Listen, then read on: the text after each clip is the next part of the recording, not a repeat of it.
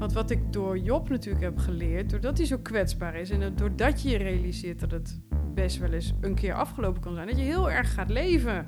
Je gaat geen dingen uitstellen. We, stellen al 15 jaar niks meer uit. Alles wat we wilden doen, dat hebben we al lang gedaan. En dat komt door hem. Vanuit mijn schuur ergens in Nijmegen-Oost is dit 0247, de podcast over bijzonder Nijmegen. Met de makers en doeners uit onze stad die Nijmegen kleur geven. Hoe doen ze het? Waar komt hun passie vandaan? En wat kunnen wij van hen leren? Mijn naam is Joris van Meel en dit is aflevering 8 van 0247. Vandaag praat ik met Annemarie Havenkamp, misschien wel de allerleukste columniste van Nijmegen. Over hoe het is om moeder te worden van een gehandicapt jongetje, hoe Job haar leerde anders naar de wereld te kijken en over haar eerste fictieboek, De Achtste Dag.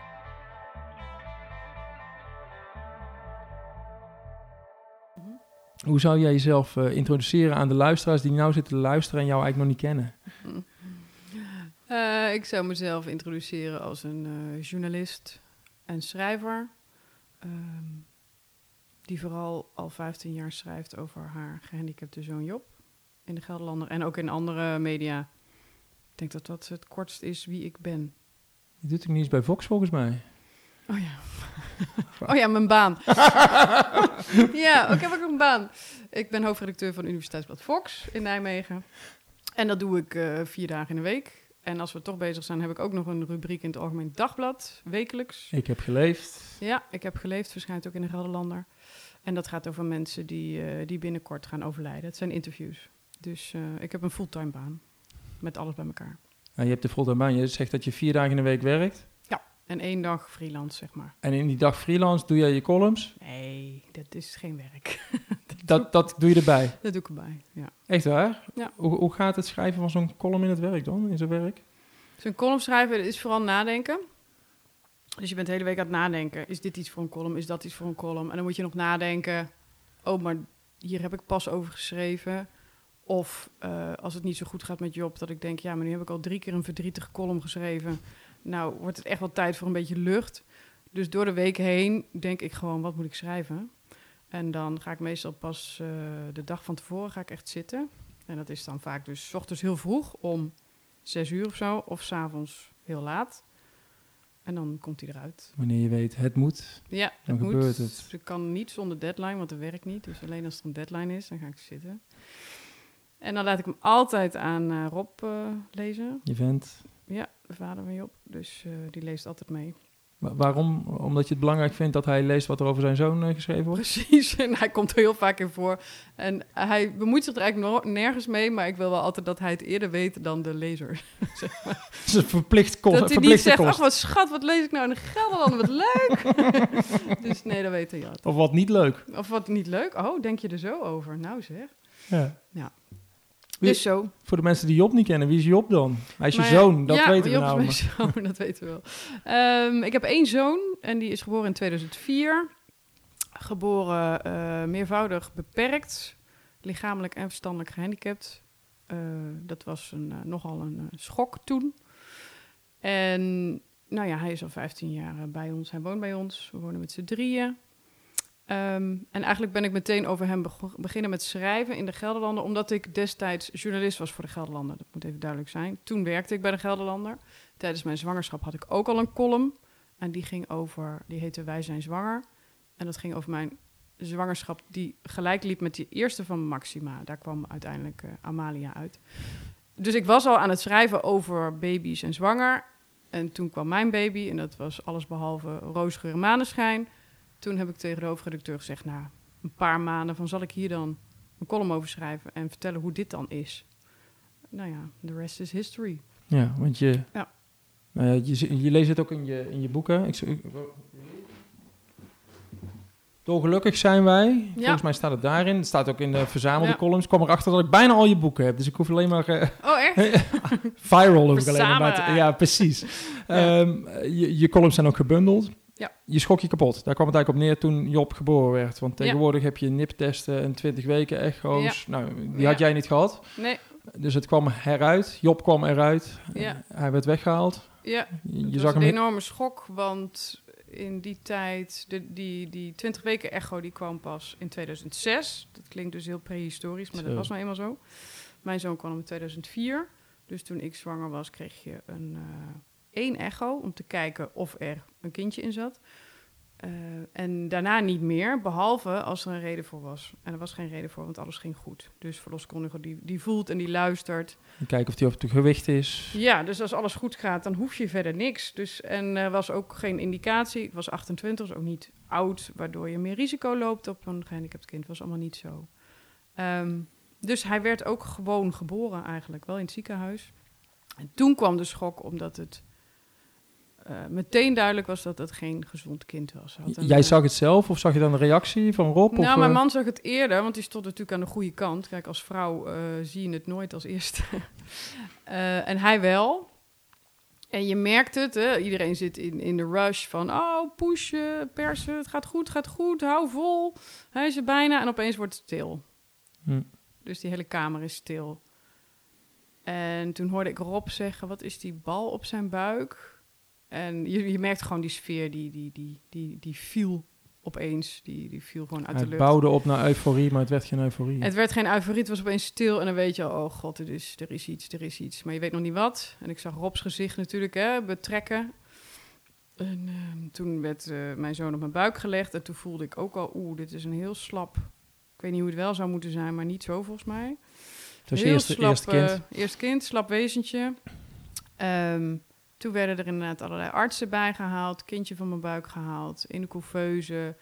Een boel consternatie wat je maar half meekrijgt. Want je ligt daar. Je kunt- ook nog niet staan of zo. Je kunt hoog uit je hoofd een beetje oprichten. Ehm, toen uiteindelijk hebben ze hem ook meegenomen voor allerlei onderzoeken. En toen waren we weer alleen. En toen wisten we niks. Behalve dan dat we een kindje hadden met een bal op zijn buik. Dat waren zijn darmen zaten daarin. was een vlies. Zijn handen stonden scheef, zijn voeten stonden scheef. Zijn gezicht was heel vreemd, had een punthoofd. Ehm, Dat zag je allemaal toen. dat konden we allemaal zien. En je weet wel, zo ziet een gewoon gezond kind er niet uit. Maar, Eh, dus dat is wat we toen zagen. En het duurde vijf dagen voordat we wisten dat hij een, ehm, een zeldzame chromosoomafwijking heeft. Waardoor hij dus ook verstandelijk beperkt zou blijven, zijn, blijven. En lichamelijk ook wel eh, veel problemen zou krijgen. Hm. En dat is, dat is ook allemaal uitgekomen, dat is ook zo. ja. Dus Hij- dat was de schok van, eh, van dag één. ja, hij is nou 16. Bijna 15. Sorry. Ja. Hij zit in 15. zijn eh, Elvis-fase weer, las ik. eh. Hij zit in zijn Elvis-fase. Ja, die verstandelijke beperking is af en toe heel komisch. En dan zit hij in bepaalde fases. En nu is die Elvis. En dat heeft hij opgedaan in een of andere tekenfilm. Ik zal niet uitweiden over hoe allemaal. Maar goed, dan zegt hij dus... ik ben niet Job, ik ben Elvis. En dan doen wij er alles aan om dat spel ook wel mee te spelen. Want het is natuurlijk super komisch. Dus dan hijsen we hem een Elvis-pak. En dan Zie- regelen we een... eh, Roze een Cadillac. roze Cadillac voor hem. Die was overigens gefotoshopt. Heel veel mensen dachten, hebben jullie dat zo snel gefixt? Want ik had er een column over geschreven. Maar nee, hij was, eh, hij was gefotoshopt. Ja, dat vindt hij dan heel leuk. En inmiddels na 15 jaar weten we wel wat hij leuk vindt. En vinden we het zelf ook leuk. Dus die schok van 15 jaar geleden, die is natuurlijk voor het grootste deel wel weggeëpt. Want het is nu gewoon ons dagelijks leven. Ja. Ja. Je zei net, je maakte de overgang heel makkelijk. En toen ging ik naar de hoofdredacteur en zei ik, zal ik hier dan een column over schrijven? Ja. Hoeveel tijd had je ervoor nodig om, om, om aan het idee te wennen dat je een meervoudig gehandicapt kind had? 15 jaar. Elke dag. Ja, dus de, de schok is weg, maar, ehm, en het is ons dagelijks leven, maar je moet er nog steeds aan wennen. Maar even als antwoord op je vraag. ehm, nou, mijn zoon is geboren in februari, op 4 februari. En ik heb mijn laatste column in de Gelderlanden pas in maart geschreven. Dus toen ik een beetje wist van, ja, hoe moet je zo'n serie over een blije zwangerschap in vredesnaam eindigen? En daar heb ik heel lang over nagedacht. Moet je het wel eindigen? Ja, dat moet, want er hadden allemaal mensen meegelezen. Je De kunt ook lezers niet hangen. opeens ja, geen kind hebben gekregen. Dat kan niet. Ehm, dus toen heb ik maar gewoon opgeschreven wat er aan de hand was. Dat hij eh, ehm, een chromosoomafwijking had en dat we het ook niet wisten. We wisten niet eens hoe oud hij zou worden, of hij oud kon worden. En eh, toen lag hij nog in het ziekenhuis. Heeft drieënhalve maand in het ziekenhuis gelegen. Dus eh, ook niet bij ons. Ehm, dus ik denk dat ik die serie heb afgemaakt. Dat was ergens in maart. Van nou, beste mensen, bam. Dit is het. Keiharde column van... eh, nou ja, wat ons was overkomen. we draaiden er niet omheen. Nee, en daar kwamen toen heel veel lieve lezersreacties op. Toen nog eh, per brief. Want eh, 2004 is ook echt best lang geleden. Dus misschien een paar mailtjes, maar vooral per brief. En toen ben ik nog een paar maanden thuis geweest. En ik weet dat ik in de zomer weer ben begonnen met werken. Dus dat valt dan nog mee, februari. Nou, dus laat, laat ik zeggen dat ik in augustus ben begonnen met werken.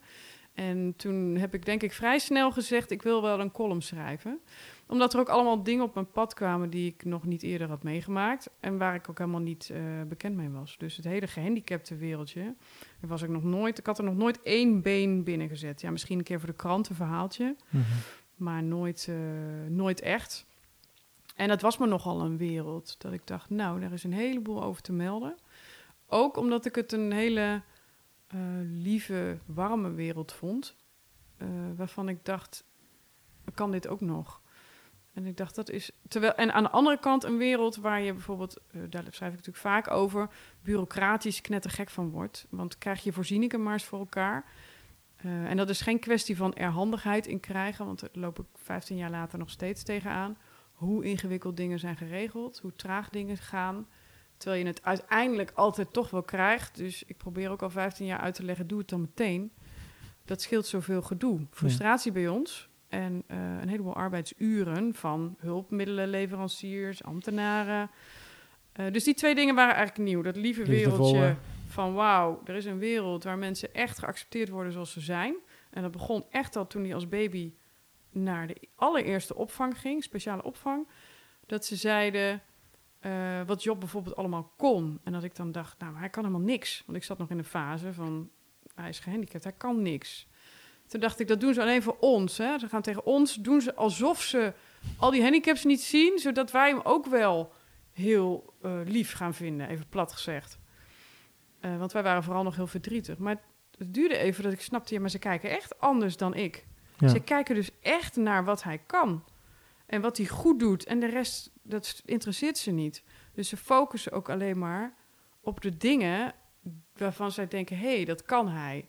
Bijvoorbeeld een voorbeeldje. Er was ook helemaal in het begin, hij was dus nog een baby, was dus nog geen jaar. Zeiden ze op die opvang, um, Job mocht kiezen wat hij op zijn boterham wilde. Nou, A, hij had geen brood, of heel slecht. En dat doet hij trouwens nog steeds niet, want hij kan slecht kauwen. En hoezo kan Job kiezen wat hij op zijn boterham wil? En daarvan, dat vond ik echt zoiets dat ik dacht, nou jongens, um, jullie doen echt een beetje alsof wij gek zijn of zo. Hè? Alsof hij dan een normaal kind is dat het allemaal kan. Maar doordat zij dat zo lang vol hebben gehouden, kan Job heel goed echt nu, en toen ook al, na een jaar kon hij dat natuurlijk ook al, kiezen wat hij wilde eten. En dat geeft een bepaald gevoel van zelfbeschikking of hè, je groot voelen. Dat iemand aan jou vraagt, wat wil je? En jij geeft antwoord en dan krijg je het ook. Dus je hebt iets voor elkaar gebokst, zeg maar.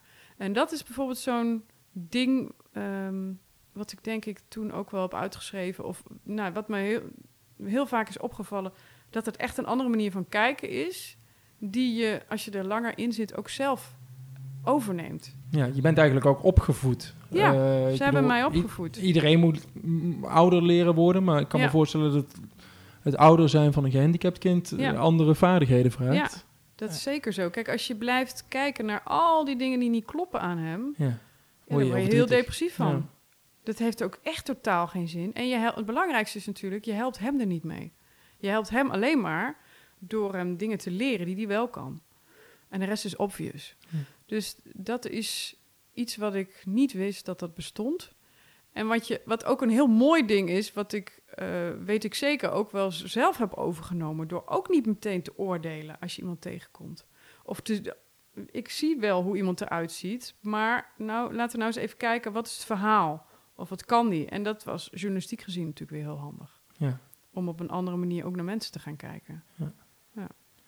Heeft die column je geholpen om, om alles een plek te geven? Want je zei net, de eerste maanden waren we vooral heel verdrietig. Uh, heeft het geholpen om neer te schrijven hoe je je voelde of wat er met je gebeurde? Uh, om, om, verder te komen? Zeker. Hoe gaat het? Ja, er zijn een paar dingen. Soms um, ja, dat heeft iedereen wel eens. Je fietst ergens of je ziet iets en je begint opeens te huilen. Of je voelt een brok in je keel. Of je denkt, opeens kom je thuis en bent heel boos en denkt... Wat is er nou gebeurd? Ik weet het eigenlijk niet. Ik weet eigenlijk niet waarom ik nu precies verdrietig ben. Ehm, maar ik ben het wel. En als je daarover na gaat denken, kom je er vaak wel. Hè? Dan weet je van, oh, wacht even, ik fietste ergens langs of ik had een associatie. Of misschien zag ik wel een moeder met een kinderwagen met een gezond kind, waarvan ik dacht, nou, dat heb ik dus niet. Ehm, en dan helpt het als je vervolgens gaat zitten om te bedenken wat het is. Maar als je het dan ook nog onder woorden moet brengen, omdat je een column schrijft, dat kan je zelf inzicht geven van, ah, maar waarom vind ik dat dan erg? Want dat is nog één ding, hè? dat zal iedereen beamen. Ja, nee, dat is heel pijnlijk. Gezond kind, je hebt zelf net een baby, dus pijnlijk. Waarom is dat pijnlijk?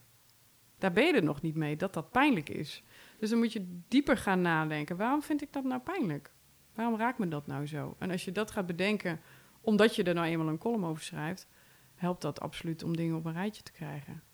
En wat ook helpt, is dat het dan in de krant komt. En dat je je best doet om iets moois van te maken. Dus als je dan steeds een mooi stukje hebt, een mooie column waarvan je denkt, nou, het is allemaal heel verdrietig, het is heel ellendig, maar het is wel een mooie column. Dan krijg je ook alweer een andere associatie met ja, die, die voedingsbodem die niet per se heel positief is. Want Je het is probeert een gehandicapt kind dat je niet wil. Je probeert van iets negatiefs, wat het toch is, Ja. in, in den begin iets heel positiefs te maken, waardoor je het al draait Ja. voor jezelf. En ook een hele zielige column kan prachtig zijn. Ja. Dus dan heb je nog steeds die twee emoties. Dus je brengt het een beetje bij elkaar. Hoe doe je dat? eh, ehm, leren houden van een gehandicapt kind. Je zei net, je was verdrietig in de eerste maanden, dus Ja. je wilde eigenlijk niet dat het zo was, maar toch was het zo. Ja. Hoe, hoe bouw je liefde op? Hoe, ga- hoe gaat zoiets? Ja, dat heb ik. Ik heb eh, toen Job. ehm, in tweede, eh, even, moet ik even nadenken. In 2010 verscheen eh, Dolgelukkig zijn wij. Mijn, dat was, was het boek over zijn geboorte. Dus los van de columns. En daar ben ik er echt voor gaan zitten. Van hoe is dat nou gebeurd? Ehm, maar hoe het gebeurd is, is eigenlijk dat wij daar misschien niet eens zoveel aan gedaan hebben. Wij als ouders. Maar hij kwam op een gegeven moment naar huis. Dus je bent je drieënhalve maand aan het druk maken over een gehandicapt kind. Dus in het begin dachten wij... Ah, ik heb heel lang gedacht, ik kan dat niet. Ik ben er namelijk niet geschikt voor. Ik ben geen zorgzaam type van mezelf. Ehm, nou, het is niet voor niks dat ik nog nooit eh, een gehandicapte had gezien, bij wijze van spreken. Dat trekt me niet of zo. Ehm, ik wilde carrière maken. Ik was heel ambitieus. Ben ambitieus, moet ik zeggen. Dus ik had het gevoel, dat past niet bij mij. Dus hoe moet ik in vredesnaam mijn leven inrichten... ehm, met een kind dat eigenlijk al mijn aandacht nodig heeft? En wat mij niet zal geven, wat, wat ik hoop dat hij me geeft, want hij is, daar is hij te voor. Dus dat is een zorg. En een andere zorg is, dus eigenlijk is van hoe kan ik hiermee leven? Een andere zorg is natuurlijk hoe kan hij leven? Hij is eh, misvormd, hij ziet er niet fraai uit. Ehm, mensen gaan naar hem kijken.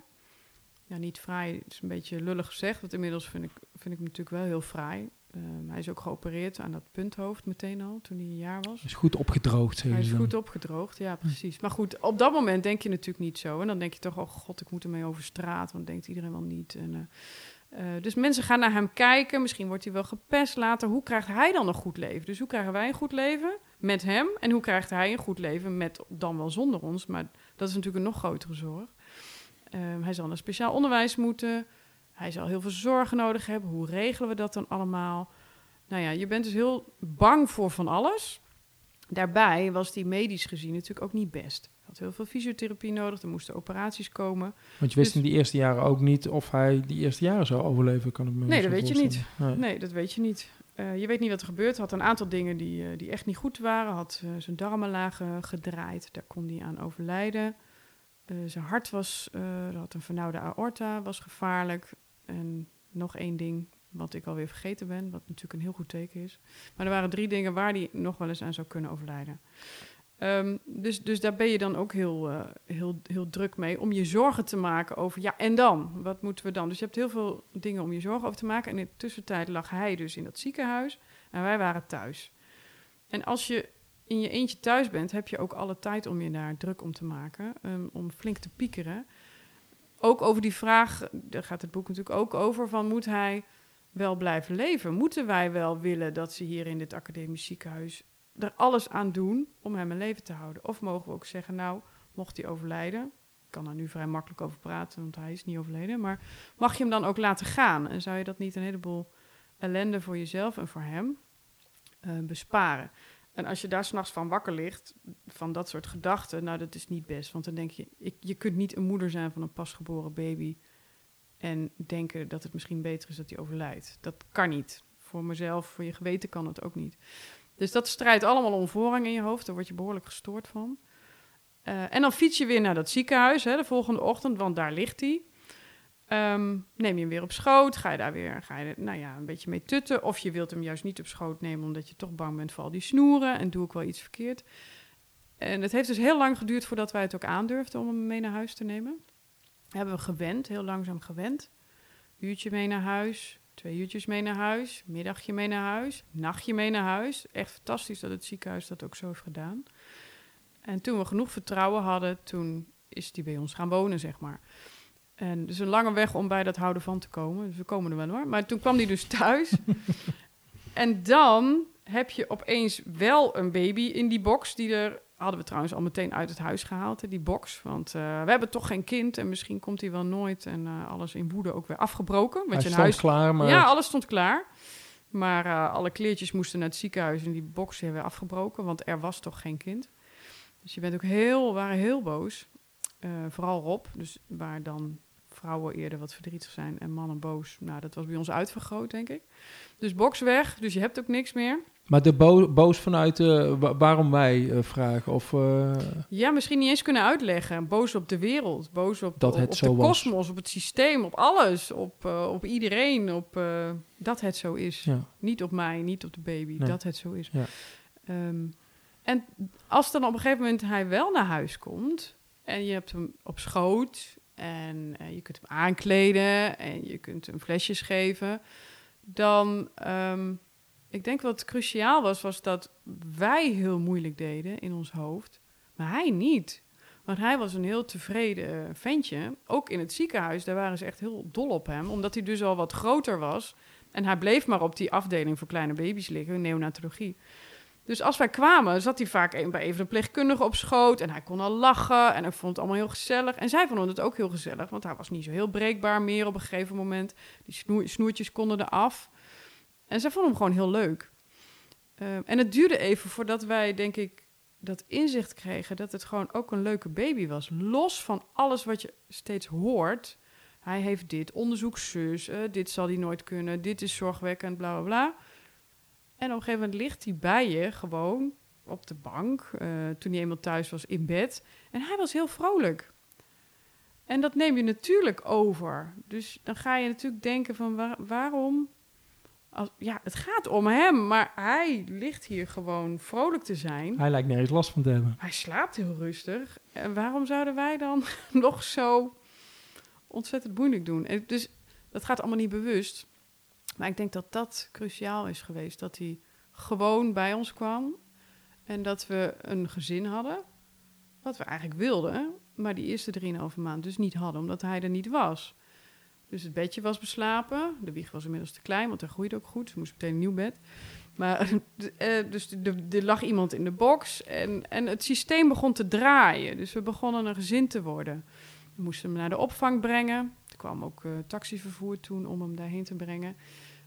Um, dus je leert hem dan ook pas kennen. En dan gaf oh, jullie, is eigenlijk gewoon een heel lief ventje. Hij gaf jullie het goede voorbeeld ook. Ja, Zo kan hij het ook. deed het. Ja. Hij deed het eigenlijk. En wij gingen daarin mee. En, uh, en, en nog steeds doet hij dat, denk ik. Want er zijn nog, natuurlijk nog steeds fases die, die heel zorgwekkend zijn als zijn gezondheid niet goed gaat. Maar dan nog is hij degene die zich het. Nou, sowieso maakt hij zich niet druk, want hij heeft niet het niveau om te snappen dat er iets zorgwekkends aan de hand is. Maar hij blijft ook bijna altijd wel vrolijk. Of hij moet heel veel pijn of ellende hebben, maar bijna altijd, ook al heeft hij nul energie en is hij hartstikke ziek, blijft hij toch vrolijk. En ja, dat is natuurlijk wel besmettelijk. Ja. Ja. Je kunt dan niet anders dan van zo'n ventje houden. Nee, dat gaat dan. Dat gaat echt heel automatisch. En, en natuurlijk heb je, moet je nog wel een heleboel dingen overwinnen. En het zou ook niet best zijn als je dat niet had. Ik bedoel, je moet dan nog steeds met hem naar buiten. En nog steeds denk je, oh, ik heb geen zin in al die blikken. Mensen die vragen wat er met hem is. En dat vind ik nog steeds niet leuk. Uh, maar dat zijn allemaal dingetjes, daar kun je aan wennen. En op een gegeven moment slaat zelfs dat een beetje om naar waar ik dus me wel voor hem schaamde. Van nou, eh, lekker succes, eh, succesvol ben jij. Hè? Met kijk eens wat, eh, wat voor kind zij heeft gekregen. Dat vond ik ook niet leuk om aan mezelf te merken dat ik me daarvoor schaamde, maar dat was zo. Maar dat, zelfs dat heb ik helemaal niet meer. Het is echt wel omgeslagen in gezonde trots, denk ik. Ik bedoel, ja, ik ben niet achterlijk. Ik zie heus wel dat er een heleboel dingen mis zijn. Maar ik vind het wel heel bewonderenswaardig hoe hij... Hij is degene die met al die handicaps moet leven. Nou ja, en hij doet nergens moeilijk over eigenlijk. En eh, daar kan ik nu wel heel trots op zijn. Dus ik loop natuurlijk heel anders achter die rolstoel nu dan toen achter een kinderwagen.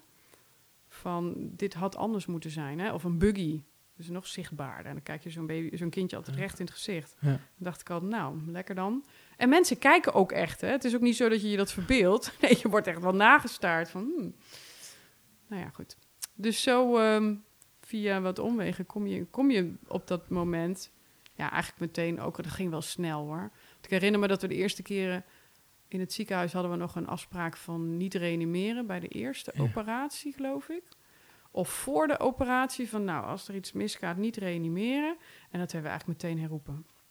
Van, eh, van oh jeetje, dachten we, we hebben een operatie. Je had Hebben geroepen, als er iets gebeurt, niet reanimeren, dan is het ja, zo dan zoals is het, het is. zo. Dat hebben we in het begin met het ziekenhuis afgesproken. En toen kreeg hij zijn eerste of zijn tweede, ik weet het niet meer, grote operatie.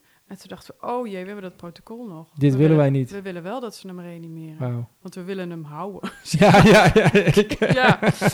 Dus eh, hij is het waard om, eh, Ja. om, om te blijven. En het Ja. is niet één grote doffe ellende. Om, eh, en ze, voor ons niet en voor hem niet, zeg maar. Nee. Maar af en toe heb je die doffe ellende wel. We, Ja, we hadden contact voor de zomer. En Ja. toen las ik in je columns dat je door een zware tijd ging. Ja. Of dat Job door een zware tijd... eh, ja, zeker. Wat was er met hem gebeurd? Hij was aan het Mm. hoesten. Ja, hij heeft... ehm, soms heeft, kan hij hele slechte jaren hebben. En dat zijn dan vooral de winters. Dus Job doet het heel goed op mooi weer. Dan eh, is hij gewoon veel fitter en gezonder. En ehm, nou, zo'n slechte winter als deze hadden we eigenlijk niet meer gehad. Ehm, dat betekent gewoon dat hij heel veel ziek is. En wat is dan ziek? Ja, dat is net niet griep. Maar hij is eh, heel mager. Eh, we, hebben al heel lang eh, het probleem dat hij niet voldoende eet eigenlijk. En eh, daardoor is hij heel mager, hij is heel kwetsbaar. En hij pikt eigenlijk gewoon alles op. Hij pikt alle virusjes op. Dus hij is heel snel ziek. En hij heeft van zichzelf al een lage spierspanning en weinig energie. Het is een hele slechte conditie, omdat hij ook niet loopt. Ehm, dus wat er dan gebeurt, is dat hij heel snel omvalt. Dus er hoeft maar een virusje te zijn of hij begint te hoesten, hij valt om. Ehm, en heeft geen energie meer. En door dat hoesten slaapt hij s'nachts heel slecht en wil hij niet eten. Dus dan kom je in zo'n visueuze Ja. cirkel. Eh, en dit jaar kwamen we daar echt niet uit met hem. En ehm, dat begon eigenlijk al, we waren op vakantie geweest in Bonaire op, in januari. En toen kwamen we terug en toen werd hij meteen ziek. Door die, ik denk dan door die Omslag. weersomslag. Hè? Ja. Eh, en toen begon het gekwakkel al. En dat, ja, dan was hij wel weer een weekje beter. En dan ging hij weer naar school. En dan viel hij toch weer om. En dan krabbelde hij weer op. En, ehm, maar daardoor mis je dus heel veel, hij als kind op school. Dus hij was heel veel dagen niet. Hij gaat naar speciaal onderwijs in Groesbeek. Eh, dus hij was er veel niet. Die eh, conditie die werd steeds meer slechter. Hij kreeg van allerlei therapeuten ook signalen van hij doet slecht mee. Eh, hij lijkt zo vermoeid, zijn hoofdbalans wordt slechter, eh, die, dat ene been wordt slechter, wat, de voet staat steeds schever. Nou ja, van alle kanten van we maken ons zorgen. Dus ja, wij maken ons ook zorgen. Maar wat kun je doen? Maar wat kan je doen? En op, toen in juni, toen werd hij echt heel erg ziek. Toen had hij slijm in zijn longen, wat hij door die lage spierspanning... en hij heeft een hele kromme rug, die is vergroeid. Eh, zijn longcapaciteit is minder. Zijn longen zitten in een verdrukking door die eh, scoliose en een kyfose, voor degene die dat kent. Maar het is allemaal heel krom. Eh, en hij kan het dus niet ophoesten. Dus het slijm dat bleef maar in die longen zitten. Daardoor was hij heel benauwd. Te weinig zuurstof in zijn bloed. Nou ja, dat, dat, hij glib, glibberde eigenlijk steeds verder weg. Terwijl je hoopt van ja, maar hij moet weer een keer beter worden. En dat wilde maar niet. Eh, toen zijn we naar de huisarts geweest. Eh, is het een longontsteking? Longontsteking kan gevaarlijk voor hem zijn. Kan die aan overlijden. Dus die wil je niet. Ehm, hij had steeds eh, geen longontsteking. En toen uiteindelijk... eh, ja, het wonder is dat hij... Ik, ik zat er echt ook heel erg doorheen. Want je, ik ben altijd wel voorbereid op... Het zal een keer slechter gaan. Want met die kromme rug, die, die, dat is progressief, dat wordt steeds krommer. Die longetjes dus in de verdrukking, dat kan niet goed gaan. En ik had heel erg op dat moment van, is het nu begonnen? Ja, je zag het licht niet meer. Nee, ik denk, dus is dit dan hè, gewoon het gevolg van die handicaps... waar we altijd bang voor zijn geweest en nog steeds zijn... Ehm, is dit de nieuwe uh, status quo? Is dit de nieuwe Job? Misschien kan hij gewoon niet meer dan dat hij nu heeft. En uh, nou ja, dat is wel enorm slikken, want hij kon heel weinig. En uh, dat je je echt wel heel veel zorgen maakt. Van ja, maar straks raken we hem echt kwijt. Als hij die longontsteking nu wel ontwikkelt, dan raken we hem kwijt. En wij dan? Hè? Dat is, nou ja, laat ik voor mezelf spreken. Mijn man is iets nuchterder. Dan begin je meteen, in mijn geval, flink door te draaien. Ook ja, en wat moet ik nou zonder hem na die 15 jaar? Dus het was een hele, hele nare periode, vooral de laatste paar weken. Toen ging uh, Rob ook nog op vakantie. Toen moest ik, uh, we gaan vaak om en om op vakantie, dat er altijd iemand bij Job is. En toen zag ik het inderdaad echt niet meer zitten. En ik werd er heel verdrietig van. Ik denk, ja, dit is het gewoon. En dat helpt dan ook niet dat je niet slaapt, omdat hij de hele nacht ligt te kuchen en te hoesten.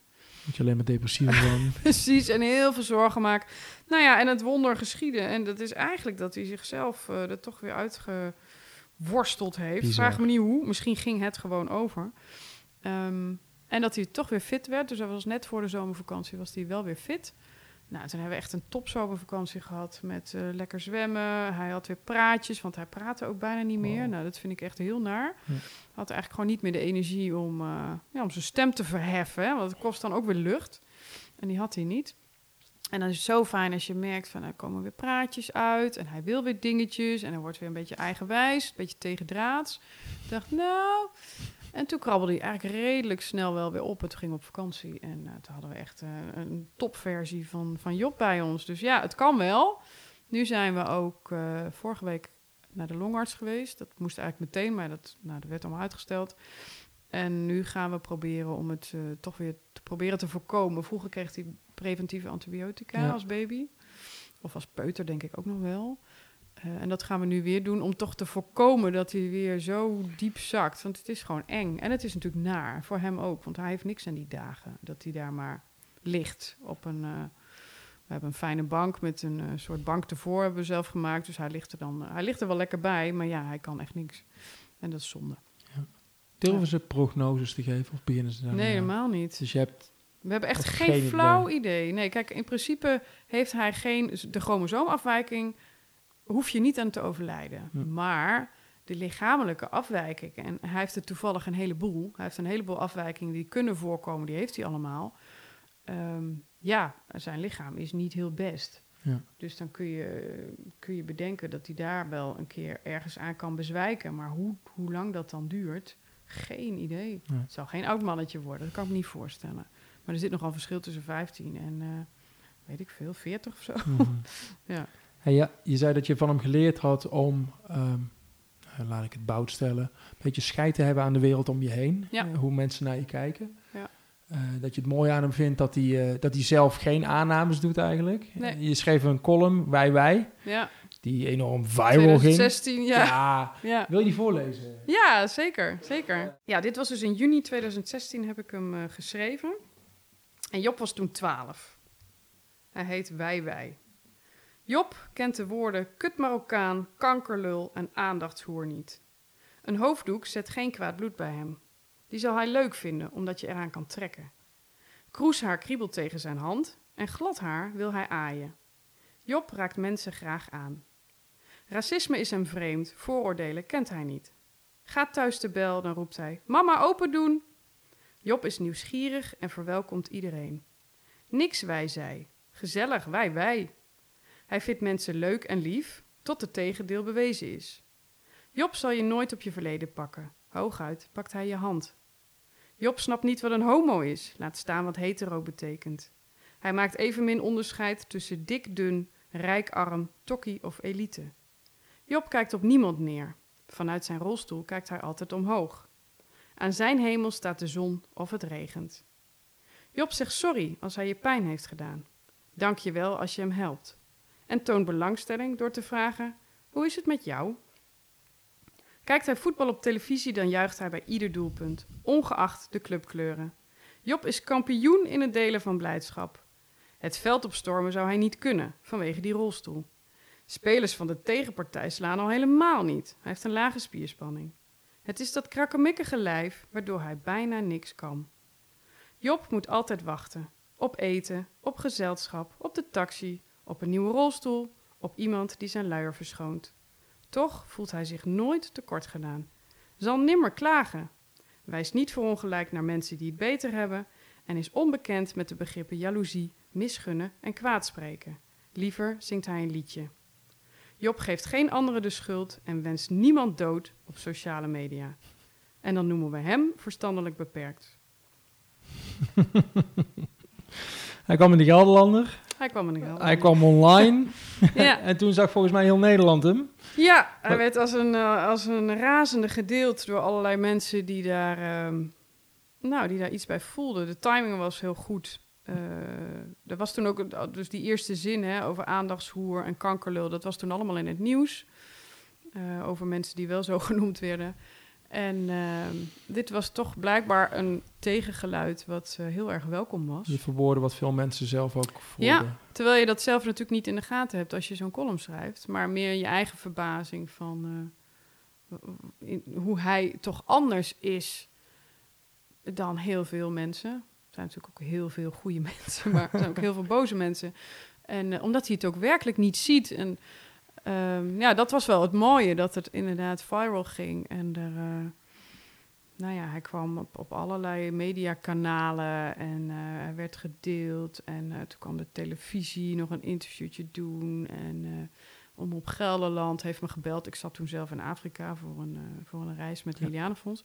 Dus ehm, Job als voorbeeld voor Ja. de goede mens. Job breekt alle harten of zo. Dat waren van die koppen stonden er dan in de krant, weet je wel. En dan, nou, dat, het mooie daarvan is dat je, dus hij was toen 12. Wat ik net vertelde, dat je in, in, het begin schaamt hè, en je afvraagt, wat, hoe moet het nou, wat moet hiervan worden? En dat hij dan twaalf jaar later op een soort, hoe heet dat, op het schild wordt gehezen en een soort voorbeeld is. Ja, dat maak je wel trots. Denk je dat, ja, ik heb het opgeschreven, maar het is mijn zoon. Het is, ik Hij heb het alleen gedaan. maar opgeschreven hoe hij in elkaar zit. En het is echt natuurlijk super cool dat hij dan opeens een held is. en van die reacties, Job voor president. ja, dat is gewoon waanzinnig. Job is een held. Ja, het was ook een held. Eh, en dat, ja, dat is zo super leuk om mee te maken. En toch ook wel hè, later dat je dan denkt, ja, met die columns kun je ook wel iets bereiken. Natuurlijk kan ik de wereld niet verbeteren, maar ik kan wel af en toe een ander perspectief laten zien. ehm, waar mensen iets aan hebben. Of waardoor je misschien net iets anders gaat, eh, gaat, gaat nadenken of gaat kijken. En dat is natuurlijk wel heel fijn om te merken dat, dat, dat je ertoe doet. Dus hij doet ertoe en ik kan dat opschrijven. En dan doe ik er ook toe. Dat voelt wel lekker. Je laat het liefdevolle zien in je columns, maar tegelijkertijd pak je ook de bureaucratie aan, zei je al. Ja. Heeft het daarbij ook wel eens bijgedragen dat, dat, dat je je in een column ja, liet je zien hoe die wereld werkte? Het is belachelijk, al die aanvragen, mensen die langskomen, weer weggaan, je nog niet kunnen leveren wat je nodig hebt. Heb je daar Eh. iets, eh, een verschil mee kunnen maken met je column? Nou, ik moet eerlijk zeggen dat ik die illusie niet zo heb. Ik denk wel door mensen, dus soms is het wel een eye-opener van, oh, gaat het echt zo? Ja, het gaat echt zo. Ehm, ja. Tegelijkertijd moet ik dus constateren dat het 15 jaar later nog steeds zo gaat. Precies. En dat is wel frustrerend. Het zou fijner zijn als je dan, dat ik nu denk, nou, die columns hoef ik in ieder geval niet meer te schrijven, want het is allemaal opgelost. Maar dat is niet zo, want het is een, het systeem is toch echt wat groter dan, eh, dan mijn, eh, ja, dan mijn, eh, hoe noem je dat? Niet dan mijn bereik, maar dan wat ik kan veranderen. Ehm, dus nee, ik, ik, kan niet zeggen dat dat. Misschien heeft het iets bijgedragen, maar hmm, ik, ik betwijfel het ten zeerste. Ik hoop wel dat ik door het te blijven schrijven wel de aandacht erop kan blijven vestigen. Jongens, het is idioot. Het is idioot als iemand een rolstoel krijgt die zo lang heeft geduurd. De aanvraag heeft zo lang geduurd dat hij er niet meer in past. En dat is, daar heb ik niet één voorbeeld van. Daar heb ik het tig van. We hebben een aangepaste fiets. Daar heb ik ook verschillende keren over geschreven.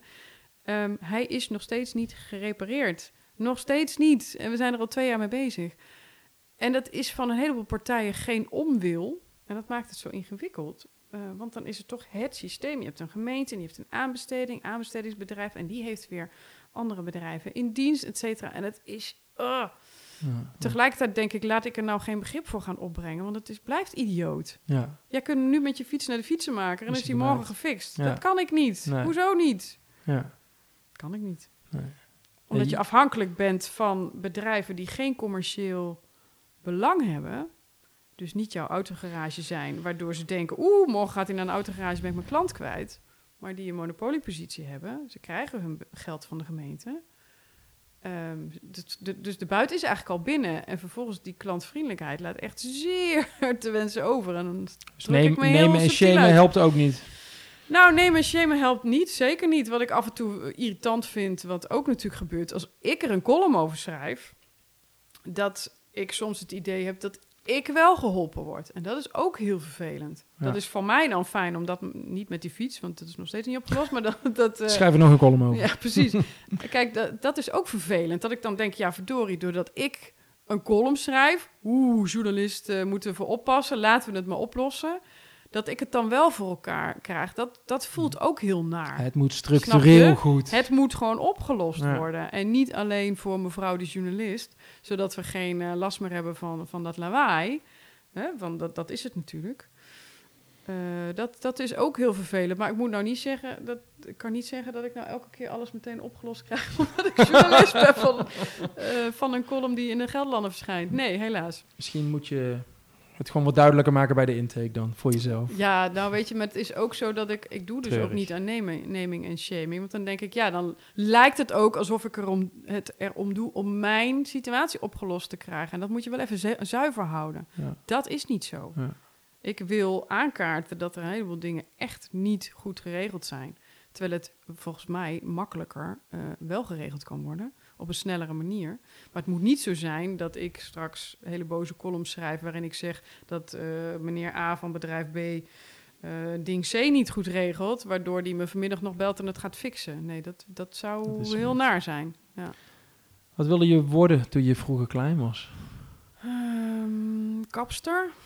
Mhm. Cachère wilde ik worden. Ehm, ook wel een beetje schrijver. Een beetje. Ja, toen ik heel jong was, heb ik eens een boekje geschreven. Daar ben ik mee begonnen. Had ik met van die A4'tjes had ik dat zo in elkaar gevouwen. Waar ging het over? Nou, over een meisje en die had een vaas kapot gemaakt. Nou, en toen moest ze stofzuigen en dat was het verhaal. Oké, Super spannend. je hebt geleerd. Nou. Ehm, en ik ben ook naar de opleiding journalistiek gegaan toen ik van het VWO kwam. Dus ik had absoluut eh, talen was ik goed in. Eh, de, de wiskunde en zo, scheikunde echt absoluut niet. Dus ik was echt een enorme alfa. Dus talen, het moest wel iets met talen worden. Ehm, dus ik ben wezen kijken bij de opleiding journalistiek in Zwolle, maar het sprak me ergens niet aan. Nee, ik was daar met een vriendin en we hadden zoiets van, oh jeetje, nee, ik moest een, school, een soort schoolkrantje maken of zo, wat me gewoon, ik weet niet, er stond iets tegen, niet gedaan. En ik wilde graag toch naar de universiteit, ehm, van alles bekeken en toen werd het culturele antropologie. Dat heeft eigenlijk niks met schrijven te maken. Behalve als je terugredeneert, jawel, toch ook weer wel. Want bij antropologie wat je doet is eh, mensen observeren, Kijken. bevolkingsgroepen eh, observeren. Proberen niet te oordelen en te registreren wat je ziet. En vervolgens daar eh, conclusies uit te trekken. Dus, en daar moet je heel veel, heel veel voor schrijven. Je moet heel veel verslagen schrijven. Werkstukken. Want dat Papers. bracht jou ook naar Nijmegen, neem ja, dat heeft me naar Nijmegen Dat was jouw gebracht. eerste... Ja. Ik, kwam, ik ben geboren in Deventer. Ik ben opgegroeid in Epse. Dorpje tussen eh Zutphen en Deventer. En eh, aan de, mijn ouders woonden daar in een eh, huis tussen de weilanden. Het uitzicht op de IJssel van achter eh, uit mijn slaapkamer aan. Dus daar ben ik opgegroeid en toen naar Nijmegen voor, de, voor deze studie. Naar de grote Hier stad. Ook, eh, ja, naar de grote stad. Hier ook gebleven. Eh, en achteraf dus lijkt antropologie best wel op journalistiek. Maar journalistiek is ook een beetje eng, omdat je dan je stukken moet laten lezen. En dat heeft bij mij wel even geduurd om, om dat ook te durven. Je kunt wel willen schrijven, maar het ook durven, dat dus iemand jouw stuk gaat lezen. Ehm, dus er er moest iemand aan te pas komen die naar mij toe kwam. In mijn, denk tweede of derde studiejaar. Mhm. En die zei, ik heb gehoord van die en die dat jij goed kunt schrijven. Wil je niet bij de ANS schrijven? En de ANS was het Algemeen Nijmegen Studentenblad. En eh, het, het- dat was er dus voor nodig om mij zover te krijgen dat ik het ook deed. Dus Wie was dat? wel- Wie heeft jou ontdekt? Niels heette die. Maar ik weet niet meer weet ze- je niet eens. Nee, ik weet niet hoe zijn achternaam was. Hij zat in de redactie in de ANS. Niels, bedankt. Niels, bedankt. Dat was Niels, die belde mij dus op. Ehm, en toen heb ik dat, eh, dat heb ik wel gedaan, want ik dacht wel ergens, oeh, dat eh, vind ik wel heel spannend. Eh, maar het is dus echt heel spannend, want dan moet je dus zomaar een verhaal gaan maken zonder enige ervaring in de journalistiek. Wat was je eerste stuk? Nou, een van de eerste, ik weet niet of het allereerste was, was radio maken vanuit een trein. Dat was ook de kop volgens mij. Dat was in, Z- in Zutphen. Eh, was ergens een radiostation in een treinstel. En daar heb ik toen een verhaaltje over geschreven. Wat volgens mij ook nog best wel leuk was. Dat was in ieder geval een van de eerste dingen. Maar dan moet je dus dat verhaal schrijven en dan moet je dan iemand laten lezen. En bij, de- bij het Algemeen Nijme- Nijmegen Studentenblad was het zo dat je verhaal dan op de tafel kwam te liggen. En alle redacteuren die binnenkwamen, die pakten dat verhaal, rode pen erbij. En die gingen er niet al te zachtzinnig overheen. Ehm, ik herinner me dat er ook ergens eh, bij stond, dit is kut of zo. En dan heb je net je eerste stukje ingeleverd. Ik dacht, oké, Een soort ontgroening. eh, het is echt een ontgroening. Dat je denkt, jeetje, ik kan helemaal niks. En dan is er weer iemand nodig die zegt, nee, maar je moet het... Hè, dat is allemaal eh, opbouwende kritiek, et cetera. Dus dat was wel een vuurdoop. En, eh, dus dat was eng. Maar ik ben het wel blijven doen. En toen ben ik afgestudeerd. En toen wist ik wel van, nou, die, journalist, eh, die journalistiek, dat is het toch wel. Want eh, kun je mijn ervaring uit die tijd leren eh, of eh, delen? Ja, ik weet. ik- ja, Nou, dat heeft ermee te maken gehad dat ik ook heel goed wist wat het niet was. En dat was ehm, dat ik me ging specialiseren in migratierecht en vluchtelingenrecht, asiel, asielzoekers. Ehm, ik wilde dus een combinatie tussen rechten en antropologie. Daar ben ik eigenlijk in afgestudeerd, omdat ik eigenlijk het asielbeleid wilde verbeteren. Ja, dat was eigenlijk, eigenlijk wel mijn doel. En ehm, ik heb toen in Brussel gezeten bij de Verenigde Naties, bij de UNHCR. Daar heb ik stage gelopen. En dan moest ik naar de Europese Commissie. In, eh, nee, naar het par- parlement. Ik zeg het verkeerd, naar het Europese parlement. En dan moest ik vergaderingen bijwonen. En die moest ik dan eh, verslaan voor mijn baas, de High Commissioner. eh. En vervolgens ehm, merkte ik daar hoe weinig je eigenlijk kon veranderen. Dan waren ze bijvoorbeeld al blij dat ze in een, in een nieuwe resolutie een woordje konden aanpassen. Waarvan ik dacht, hé, maar dat asielbeleid klopt nog steeds niet. Nee, maar we moeten al blij zijn dat dit onze winst is. Ehm, tegelijkertijd heb ik ook een onderzoek gedaan onder asielzoekers in Nederland naar hun welzijn. Eh, en wat ik niet bleek te kunnen was het scheiden van mijn eigen gevoel en het onderwerp. En het onderwerp waren namelijk mensen. Dat waren asielzoekers die dus niet gelukkig waren. Dus ik heb heel veel van die interviews gedaan. En daar had ik enorm veel last van. In die zin dat ik er niet van sliep. Omdat ik het heel oneerlijk vond dat mensen echt depressief waren. Heel veel aan de medicijnen zaten. Geen perspectief hadden. Niet mochten werken. En daar werd ik zo naar van. Terwijl ik ze tegelijkertijd niet kon helpen. Dat, dat kon ik gewoon niet. En helemaal niet als een antropoloogje dat een onderzoek doet. Eh, en tegelijkertijd die mensen ook niet kon loslaten. Dus ze begonnen ook aan mij te hangen. Een paar die ik heb geïnterviewd, die bleven aan mij hangen... omdat ze dachten, ja, maar je kunt me wel helpen. Jij bent mijn link met de westerse wereld. eh. Exact. Je, gaat, je, je, je, je gaat... Ja, maar je kunt toch wel iets doen? En ik kon echt natuurlijk helemaal niks doen. En eh, dat was toen, voor mij toen vrij duidelijk dat ik dat niet moest gaan doen. Want dat ik daar zeer ongelukkig... Ik bedoel, zij waren al ongelukkig, even hard gezegd. En het helpt niet als ik daar ook ongelukkig bij ga zitten. Ik ben dus niet een persoon eh, die dat soort werk moet doen. Want ik kan het niet loskoppelen. Mensen moeten het Eh, kunnen scheiden. Exact. En dat kon ik absoluut niet. Terwijl ik wel zeer geïnteresseerd was in mensen, nog steeds, altijd. Ehm, en on- in de tussentijd schreef ik dus al voor Al- Algemeen Nijmegen Studentenblad. Toen dacht ik dat ik moet gewoon journalist worden. Had ik vroeger ook wel van gedroomd, maar ik wist niet dat ik daar ook misschien wel echt goed in was. Ik had natuurlijk geen opleiding. En toen ben ik eigenlijk alleen maar daarop gaan solliciteren toen ik eh, klaar was met mijn opleiding. Dus met antropologie. Eh, weg uit die vluchtelingenhoek asielbeleidhoek. En ehm, uiteindelijk eh, kwam er een prachtige positie bij Wegener. Dat, nu is dat persgroep. Dus de regionale kranten die zochten toen eh, academici die zich wilden laten omscholen tot journalist. Nou, dat was echt super. Want dan haalden zij de kennis in huis, die academische kennis, zeg maar. En wij leerden journalist zijn. En dat heb ik gedaan. En zo ben ik bij de Gelderlander terechtgekomen, et cetera. En toen ging het balletje rollen. En ik wist ook al meteen dat dat goed was. Dus ik kan me nou ook geen enkel ander meer beroep, eh, beroep meer voorstellen dan dit wat ik dus nu al sinds mijn 24ste doe, dus al 20 jaar. Wauw. Ja. Cool. Zo ging het. Je hebt je eerste echte roman nou net geschreven. In maart Ja. is die uitgekomen. Is dat altijd een droom van je geweest? Ja. Of eh, waarom? Ja, waarom wilde je zo graag een boek schrijven? Waarom wilde je graag fictie schrijven? Ehm, Het is ten eerste, ik had dus eh, de columns geschreven. Dat is alweer, dus je begint eigenlijk met journalistiek schrijven. En dat op een gegeven moment denk je, nou, dit beheers ik. Uh, schrijven kwam daar dus bij toen ik in verwachting was. Uh, nog meer columns schrijven. Doordat mijn zoon geboren werd, ging ik ook wat anders naar mensen kijken. En durfde ik zelf ook meer te vragen. Bijvoorbeeld moeilijke vragen te stellen aan mensen die ziek zijn, die ellende hebben meegemaakt. Dat je gewoon eerlijke vragen durft te stellen, als je begrijpt wat ik bedoel, waar je misschien normaal over omheen loopt. Van, oh, iemand gaat dood. Nou, laten we het daar maar niet over hebben. Hoe lang heb je nog of zo? Maar, maar waarom denk je dat, dat, dat je dat daardoor, daarna wel kon? Omdat ik uh, had gemerkt dat het prettig is om eerlijk te zijn over dingen die je, die je meemaakt. Dus dat je over dingen wel kunt praten die misschien op het eerste oog moeilijk liggen of pijnlijk zijn. Of dat je blij bent dat mensen wel de juiste vragen durven stellen. Nou. Ze lijken pijnlijk voor de vragensteller, maar voor degene die de vraag Denk krijgt, je, hè? eindelijk iemand die de vraag stelt. Exact, eindelijk iemand die er niet omheen draait. Dus ik, ik was toen ook al een beetje anders gaan schrijven. Van ik wil eigenlijk toch liever die menselijke interviews doen. Ehm, dus zo is dat gegaan. En dan ga je steeds een beetje bedenken, als je langer in die journalistiek zit, wat heb ik dan nog niet gedaan? Ik heb dus die columns gedaan. En toen dacht ik, ik wil heel graag een boek schrijven over de geboorte van, van Job. En dus die gecompliceerde vraag, wie bepaalt er nou of een zeer gehandicapte baby wel of niet blijft leven? Daar liepen we toen zelf tegenaan, toen die net geboren was. Bepaalt een arts dat of bepalen de ouders dat?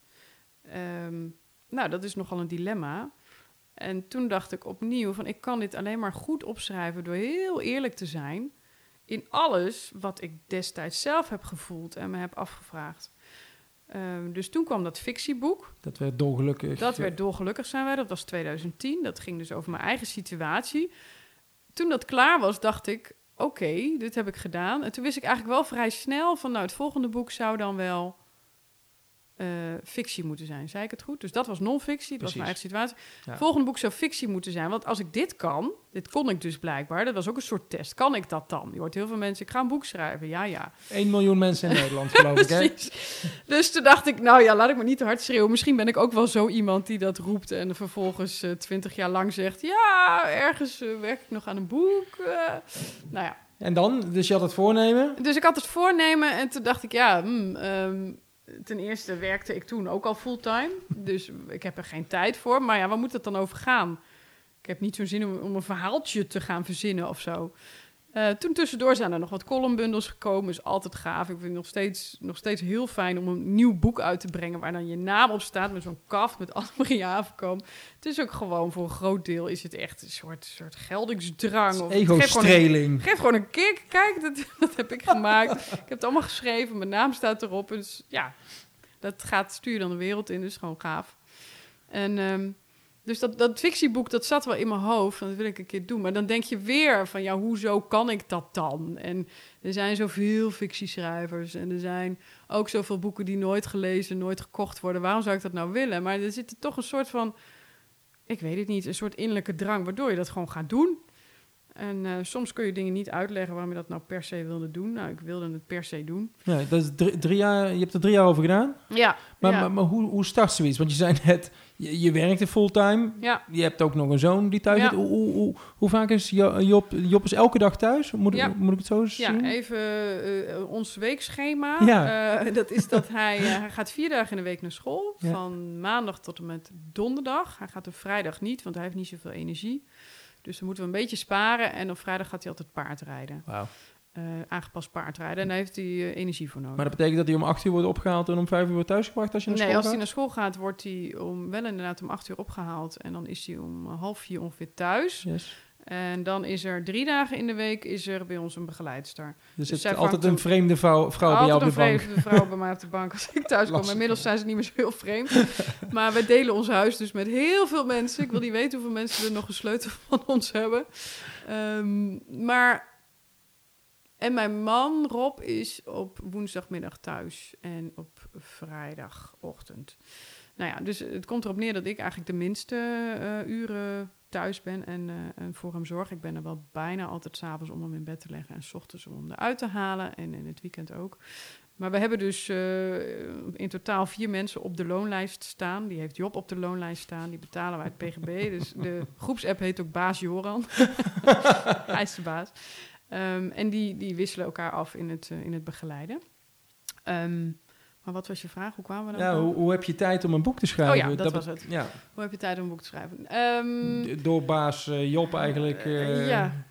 Ja, Ja, door baas Job ehm, uit te besteden en, eh, en de boel geregeld te krijgen. Ik had altijd een eh, één vrije dag.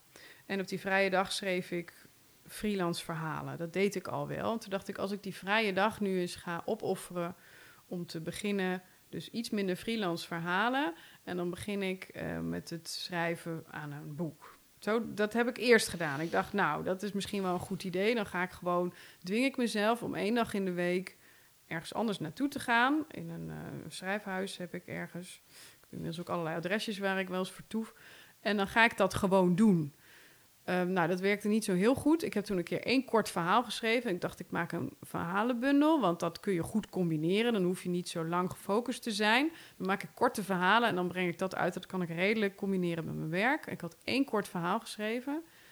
En eh, dat was ook het enige verhaal wat ik goed vond. De rest wat er achteraan kwam was eigenlijk allemaal bagger. Eh, dus het lukte helemaal niet. Eh, hoe, hoe ver was je toen onderweg, zeg maar? Nou, pff, ik heb één heel verhaal geschreven en nog één heel verhaal omdat ik dacht, ik dwing mezelf. Ja. Want zo gaat het vaak met journalistiek ook, hè. Ik kan er, kan er niet lekker in komen. Ja, doe nou maar gewoon, want het verhaal moet vanmiddag af. Dus ik denk, Ja, nou, ik je doe had gewoon... geen deadline. Nee, geen deadline. Maar ik denk, ik doe het gewoon. Dus ik heb wat slechte verhalen geschreven. Die ik ook echt... Het is ook niet van stiekem na mijn dood mensen lezen het. Het is toch briljant. Nee, Het ligt in de papierbak. het sloeg echt nergens op. Maar dat eerste verhaal dat ik had geschreven, dat bleef de hele tijd in mijn hoofd zitten. En dat was over een man en die had een zoon. En eh, die zoon die zat in een rolstoel. En we zien die man langs een eh, weg lopen. En eh, het is een heel onheilspellend verhaal. Misschien komen we er zo nog op. Maar in ieder geval, je voelt dat dat niet goed gaat aflopen. En ik vond dat zelf een geslaagd verhaal. Nou, dat was vrij uniek, want dat was dus mijn eerste fictie. En toen heb ik vond het zelf zo geslaagd dat ik het aan twee verschillende mensen heb laten lezen. Na een tijdje hoor. maar eh, van, goh, is dit wat? En die mensen hadden wel een beetje verstand van, eh, van schrijven. En die zeiden allebei dat het wel zo was. Nou, dan kan je dat nog zeggen omdat je me heel aardig vindt. Of dat je, eh, nou ja, me niet wil teleurstellen. Maar ik had zelf het gevoel, dit is wel wat. En toen dacht ik van, nou ja, als de rest dan niet werkt... dan moet ik misschien toch dit ehm, gewoon uitwerken. Wat is er dan met die man? En wie is dat kind dan? En wat is er dan aan de hand? En waarom lopen ze daar? Dus toen heb ik eigenlijk mezelf een soort raadseltje gegeven van... wie zijn die mensen? Ja. En eh, Die man was Egbert. die man was Egbert, ja. Toen heette die nog geen Egbert. Toen heette hij alleen nog maar hij. en zoon had ook nog geen naam.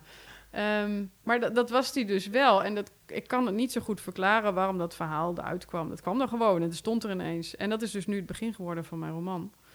Eh, er is ook echt helemaal niet zoveel aan gewijzigd. Het is bijna één op één heb ik dat verhaal overgenomen. En vervolgens ben ik het dus gaan invullen. Van wat is hier aan de hand? En dat is de rest van, eh, van het boek geworden. Dat, dus de achtste dag. Ja. Ehm, en zo is het gegaan. En ik heb toen een aantal periodes vrijgenomen. ehm, door alle vakantiedagen op te sparen, zeg maar. En wat extra vrij te nemen. Toen heb ik een keer eh, vier maanden sabbatical genomen. Toen ben ik er echt voor gaan zitten. En toen dacht ik, oké, aan het einde wil ik iets opgestuurd hebben naar een eh, uitgever. En als die het niks vindt, dan heb ik dit in ieder geval geprobeerd.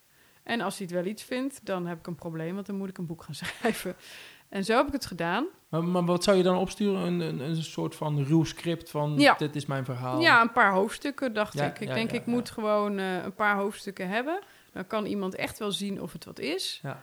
Ehm, En ook zeggen wat er nog aan moet gebeuren om Ja, het beter te maken. en zo niet, dan, eh, nou ja, dan heb ik het geprobeerd. Ja. En dan is dit dus niet mijn ding. Eh, maar het, het was dus zo wel. Het- ik, werd, ik heb naar twee uitgevers gestuurd en die hadden allebei interesse. Dus dat was hartstikke fijn. En ja, dan heb je een gesprek met een uitgever die inderdaad vraagt... en hoe zie je dat dan voor je? En eh, hoe moet het worden? En ehm, nou ja, dat soort dingen. En toen ben ik in zee gegaan met Lebowski. Ja, je gaat nou heel hard. Ik wil nog even helemaal Ja. terug. Hoe, hoe, gaat dat in het begin? Hoe, voor alle mensen die luisteren en, en, ah, en, schrijf en ook, een boek, stuur het op. en, Klaar en ook het voornemen hebben om, om schrijver te worden, want dat zijn er veel. Ja, jij had een idee, dan schrijf je een kort verhaal. In hoeverre Ja. is eh, een kort verhaal schrijven of een, fictie schrijven anders dan een column schrijven? Denk ja, totaal Het zijn iets meer anders. letters. Het zijn meer letters. eh, je doet er wat langer over. Je hebt kaf ermee. deadline. ja, nou dat soort dingen. Nou, wat vooral anders is, is dat het uit jou moet komen. Het is fantasie. En ik ben journalist. En het probleem vond ik vooral in het begin dat ik het heel lastig vond om mijn fantasie de vrije loop te laten. Dus bij alles wat ik bedacht, had ik meteen een contra-gedachte. Waar slaat dit nou op? Kan niet. Kan dit wel? Is dit wel eens voorgekomen? Is dit logisch? Zou iemand zoiets doen? Ja, je kilde al je ideeën. Ja, ik kilde echt al mijn ideeën en het was dodelijk vermoeiend. Dus ik stond mezelf niet toe om gewoon, eh, zeg maar, even uit te rollen. Dus je moet die gedachten laten gaan en dat kon ik niet. Dus ik had die gedachten die... De journalist in mij riep elk idee terug, want dat doe je als journalist. Alles wat je hoort, ziet, je checkt alles en soms check je het ook dood, dan heb je dus geen verhaal. Hoe zorg je ervoor dat je uit die eh, loop kwam? Ja, dat was eh, heel moeilijk door, eh, door het veel te doen. En soms had ik ook echt wel een beetje van die oefeningetjes voor mezelf. Dan wist ik het echt niet. En dan, dan rolde ik ook echt uit. Van, nou ja, ik weet nu dat ik echt onzin aan het blaten ben. Maar dat tikte ik dan allemaal op. Dacht ik, nou, ben benieuwd waar dit eindigt. Dus echt bijna gedachten. Dat je zelf een hele rare gedachte hebt. Die je gewoon helemaal maar uittikt en denkt, nou, het zal wel ergens goed voor zijn. Ik, eh, maar dat kost natuurlijk wel heel veel tijd. Want soms zat ik een hele dag te tikken. Had je Nou, niks. heb ik allemaal helemaal niks niet, niet gebruikt, al die onzin. Maar het was wel nodig om op, in een bepaalde modus te komen van... tik nou door en ga niet de hele tijd googlen. Google is ook echt funest natuurlijk. Want als je, als je ergens zit zonder Google... kun je het simpelweg niet checken, zeg maar. Tenminste, niet op dat moment. Eh, maar ja, goed, het lukte me niet om internet uit te zetten. Ja, ik kon het wel uitzetten, maar dan was het binnen 10 seconden weer aan. dus dat was het ook niet. Dus ik moest echt mijn hoofd trainen. Om het maar gewoon eh, te laten gebeuren, zeg maar. En dat heb ik gedaan. En ik kwam er ook wel achter dat je heel veel dingen uit je eigen beleving... of dingen die je ooit hebt meegemaakt, gehoord, eh, gezien...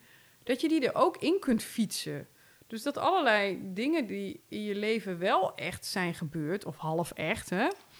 Dat je die kunt gebruiken. Dus dat je niet alles hoeft bij elkaar hoeft te fantaseren, maar dat je ook. ehm, dus alle dingen die je verzint, kun je vervlechten met dingen die eigenlijk niet verzonnen zijn. Ik las ergens een zin in een interview met je. Egbert en jij deelden één brein, eh, Ja. zei je. Dat vond ik heel gaaf. Ehm, kun, je- kun je een voorbeeldje geven wa- waaruit dat blijkt, dat in je boek terecht is gekomen? Ehm, Of is het anders dat bij het schrijven dat Egbert en jij één brein deelden? nee, het was vooral s'nachts Oh, ja. ehm, dat wij één brein deelden. Eh, dus dat ik alles voor Egbert moest bedenken. Maar ik moest dus, ten eerste moest ik Egbert, dat is mijn hoofdpersoon, Egbert moest ik zelf bedenken. Er moest een hoofdpersoon zijn, die dus opeens op papier stond. Dat werd Egbert. Wie is die man? Moet je dan zelf gaan bedenken. Eh, wat is het verhaal? Wat is hij aan het doen? Wat zijn zijn dilemma's? Wat vraagt hij zich af? Nou, het is dus een alleenstaande man die een gehandicapt kind heeft. En hij weet dat hij zelf terminaal ziek is. De- dus het hele boek speelt, gaat over de vraag: wat moet hij nu met dat kind doen? Moeder is al overleden. Moeder is al overleden en hij heeft eigenlijk niemand. Eh, dus hoe gaat hij dat? Dus had een probleem. Ik heb hem opgezadeld met een probleem. Maar ik had hem eerst zelf bedacht. Maar op een gegeven moment heb je dus, daar word je heel schizofreen van. Je hebt dus dat verhaal bedacht. Dus je hebt hem eerst voor een groot dilemma geplaatst. Maar vervolgens moet je dus eh, uit het verhaal in zijn hoofd gaan zitten. En in zijn hoofd, niet mijn hoofd, zijn hoofd. Hij is een man, een alleenstaande man van, nou ja, laten we zeggen, een jaar of 50 moet ik bedenken hoe hij dat gaat oplossen. Dus nadat ik hem eerst heb verzonnen, moet ik in zijn hoofd gaan bedenken hoe dat. En dan word je soms echt helemaal gek van. Dan denk ik, hoe zou Egbert... En dus het wordt voor jou als schrijver, voor mij werd het een echt persoon. Dus ik moet me gaan verplaatsen in mijn verzonnen karakter.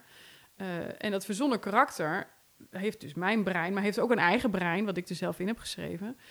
En dan, als ik dus s'nachts wakker lag, dan, ja, dan zat hij in mijn hoofd. Ik was zijn brein, maar hij nam mijn brein s'nachts over, zeg maar. En dat is echt heel vermoeiend. Dus je op een gegeven moment denkt, jemig, ik kan ook echt helemaal nergens anders meer aan denken. Dat is een hele goede reden om door te schrijven van dat boek af te Ja, komen. precies. Van man, los het op.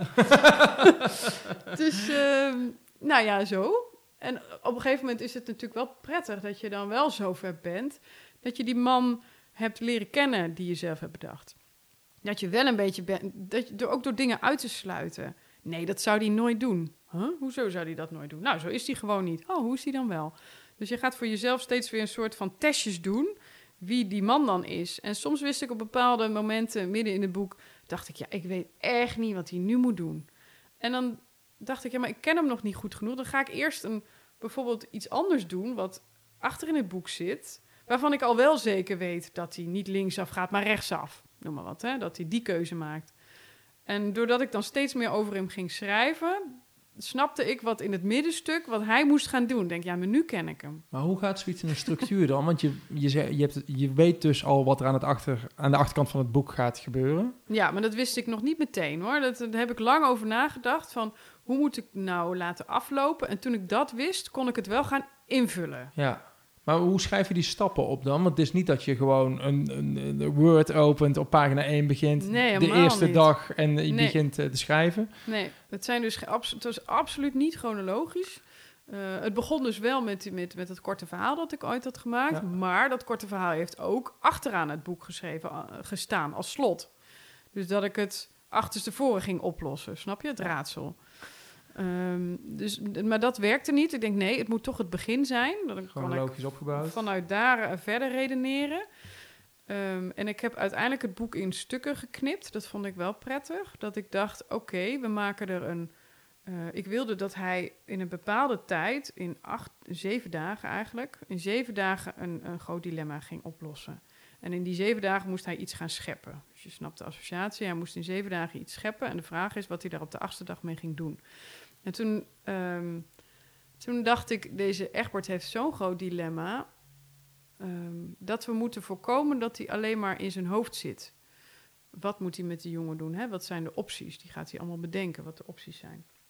Ehm, en ik vond het prettig om hem ook met zijn handen te laten werken. Als afleiding, maar ook van... Dat is, daar los je ook een puzzel mee op. Dus ik heb een timmerman toen van hem gemaakt.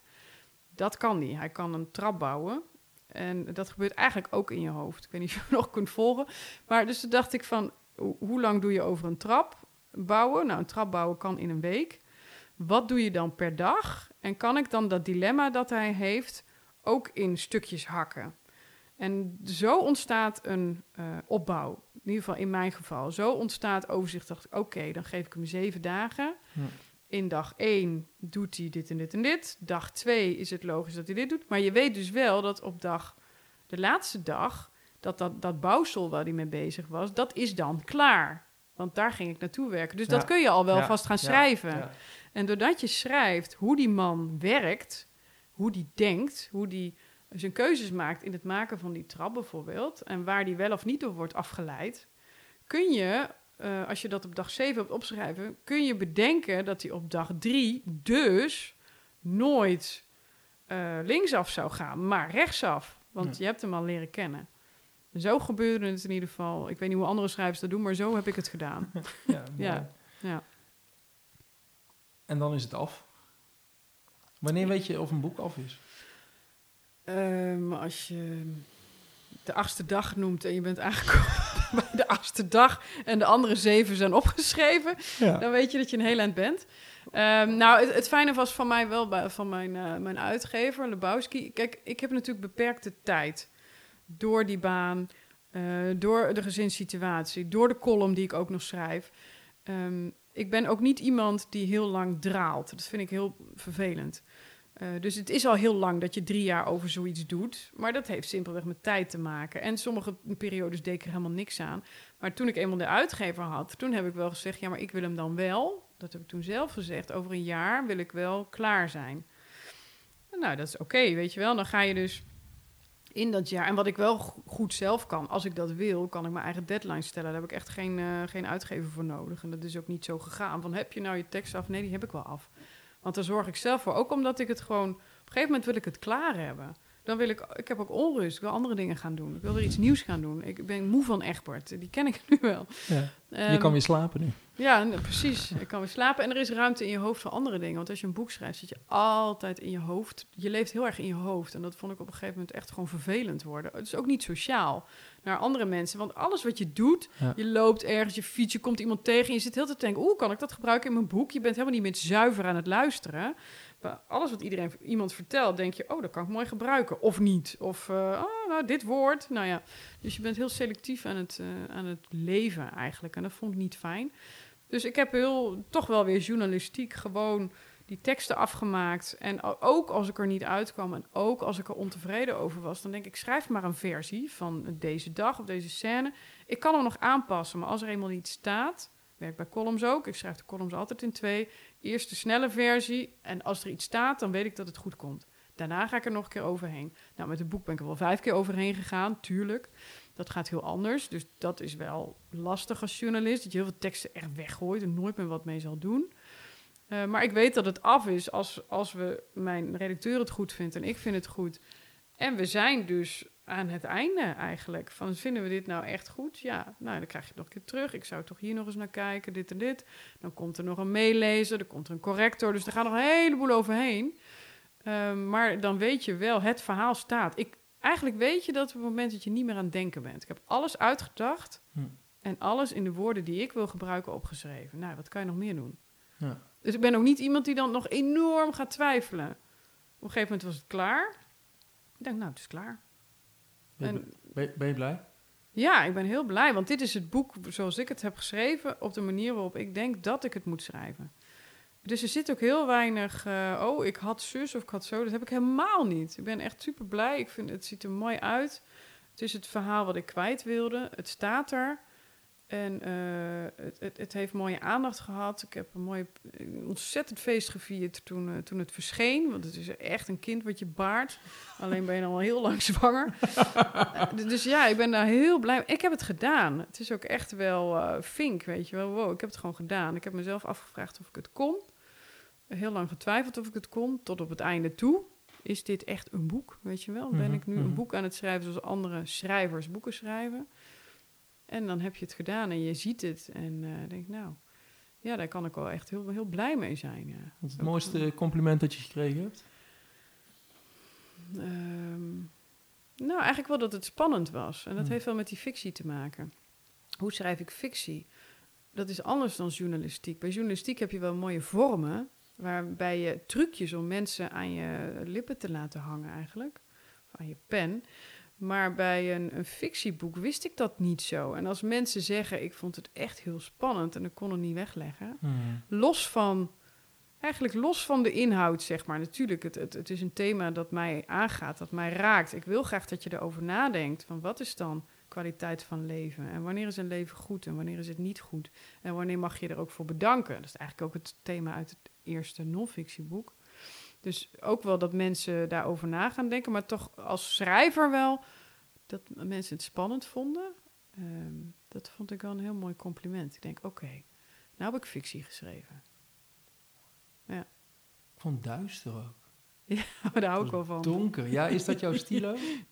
Ja, daar hou ik heel erg van. Ik lees eh, zelf ook heel graag eh, hele sombere boeken. Ik wil graag als ik een boek lees in een bepaalde sfeer komen die, die jij bedoeld hebt. Die je, mij, mij, je dwingt mij in jouw sfeer en dan zit ik in een boek. En dat lukt bij mij gewoon beter als het zwaar is. Of hè, zwaar, nou ja, het, het, het is zo'n zware deken die, je- die je ook niet af kan gooien. Want je bent aan het lezen en je moet doorlezen. Ik hou daarvan, ja. Dat vind ik echt prachtig. Ben je niet bang om eh, de vrouw te worden die alleen maar over gehandicapte kinderen schrijft en alles wat daarmee samenhangt? Ja, zeker. Maar kijk, dat is alleen voor mensen die mij kennen van bijvoorbeeld die columns. Eh, Mhm. en daarom is het evenwicht ook goed. Ik werk op de universiteit en dan schrijf ik vier dagen lang met een redactie over totaal andere onderwerpen. Ja. Dus daar, ja, misschien komt er eens een keer een een gehandicapte voorbij, maar dat gaat er eigenlijk zelden over. Dus, dus in mijn leven, eh, zeg maar, ik zie mijzelf helemaal niet als die gehandicapte schrijver, want ik heb gewoon een hele andere baan. Alleen mensen kennen mij van die column eh, of van die boeken, waardoor het lijkt alsof ik heel erg in die gehandicapte scene zit en dat dat mijn de hoofdmoot is. Maar voor mij is dat helemaal niet zo. Nee. Ehm, ik heb wel eens het idee van, ja, nou zou ik eens een, een boek moeten schrijven wat totaal ergens anders over gaat. Maar ja, waarom eigenlijk? Omdat ik dan aan die mensen kan laten zien dat ik niet alleen maar... Maar ja, goed, in mijn eigen bestaan ben ik helemaal niet eh, iemand die daar alleen maar mee bezig is. Ja, en blijkbaar is dat ook niet wat op dit moment in jou zit. Ja, Want anders er was het er bij die korte uit. verhalen wel uitgekomen. Ja, precies. Ja. Dus eh, het, het, is, het is ook gewoon zo als het is. En ik vind het goed. En ik kan er een boel eieren in kwijt. En ehm, nu heb ik een nieuwe serie en nu schrijf ik over mensen die doodgaan. Ja, dat is ook niet echt feestelijk, maar ik vind het heerlijk. Dan denk ik, ja, maar dat zijn wel de dingen die mij bezighouden. Het zijn altijd de vragen over wat is leven? Wanneer is het waard om een leven te leven? Wanneer wordt, eh, wordt het lijden? En hoe ga je daar dan mee om? Hoe doe je dat dan? En het is, ik vind het echt geweldig dat ik nu elke week zit ik tegenover iemand die weet dat die gaat overlijden.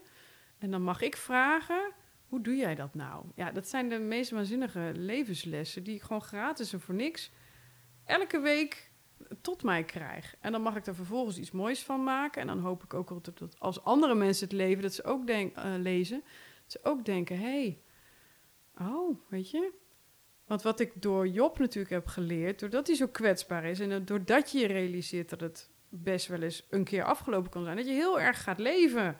Je gaat geen dingen uitstellen. We, stellen al 15 jaar niks meer uit. Alles wat we wilden doen, dat hebben we al lang gedaan. En dat komt door hem. En dat komt heel erg overeen met die verhalen van mensen die nog maar korte leven hebben. De les is, jongens, doe het nu. Want je weet niet hoe het morgen is. En je weet helemaal niet over hoe het volgend jaar is.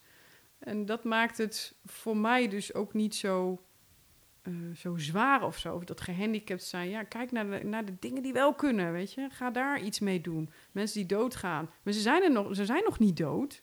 Ze kunnen nu nog... Nou, vertel maar. Wat wil je nu doen? Je hebt heel, volgens mij heel veel van die, van die zen-oefeningen... van wat wil je nog doen als je over zes maanden dood zou gaan? Nou ja, weet je, vul maar in. Maar het kan echt zo zijn, hè? En volgens mij realiseer ik mij dat eh, vrij goed.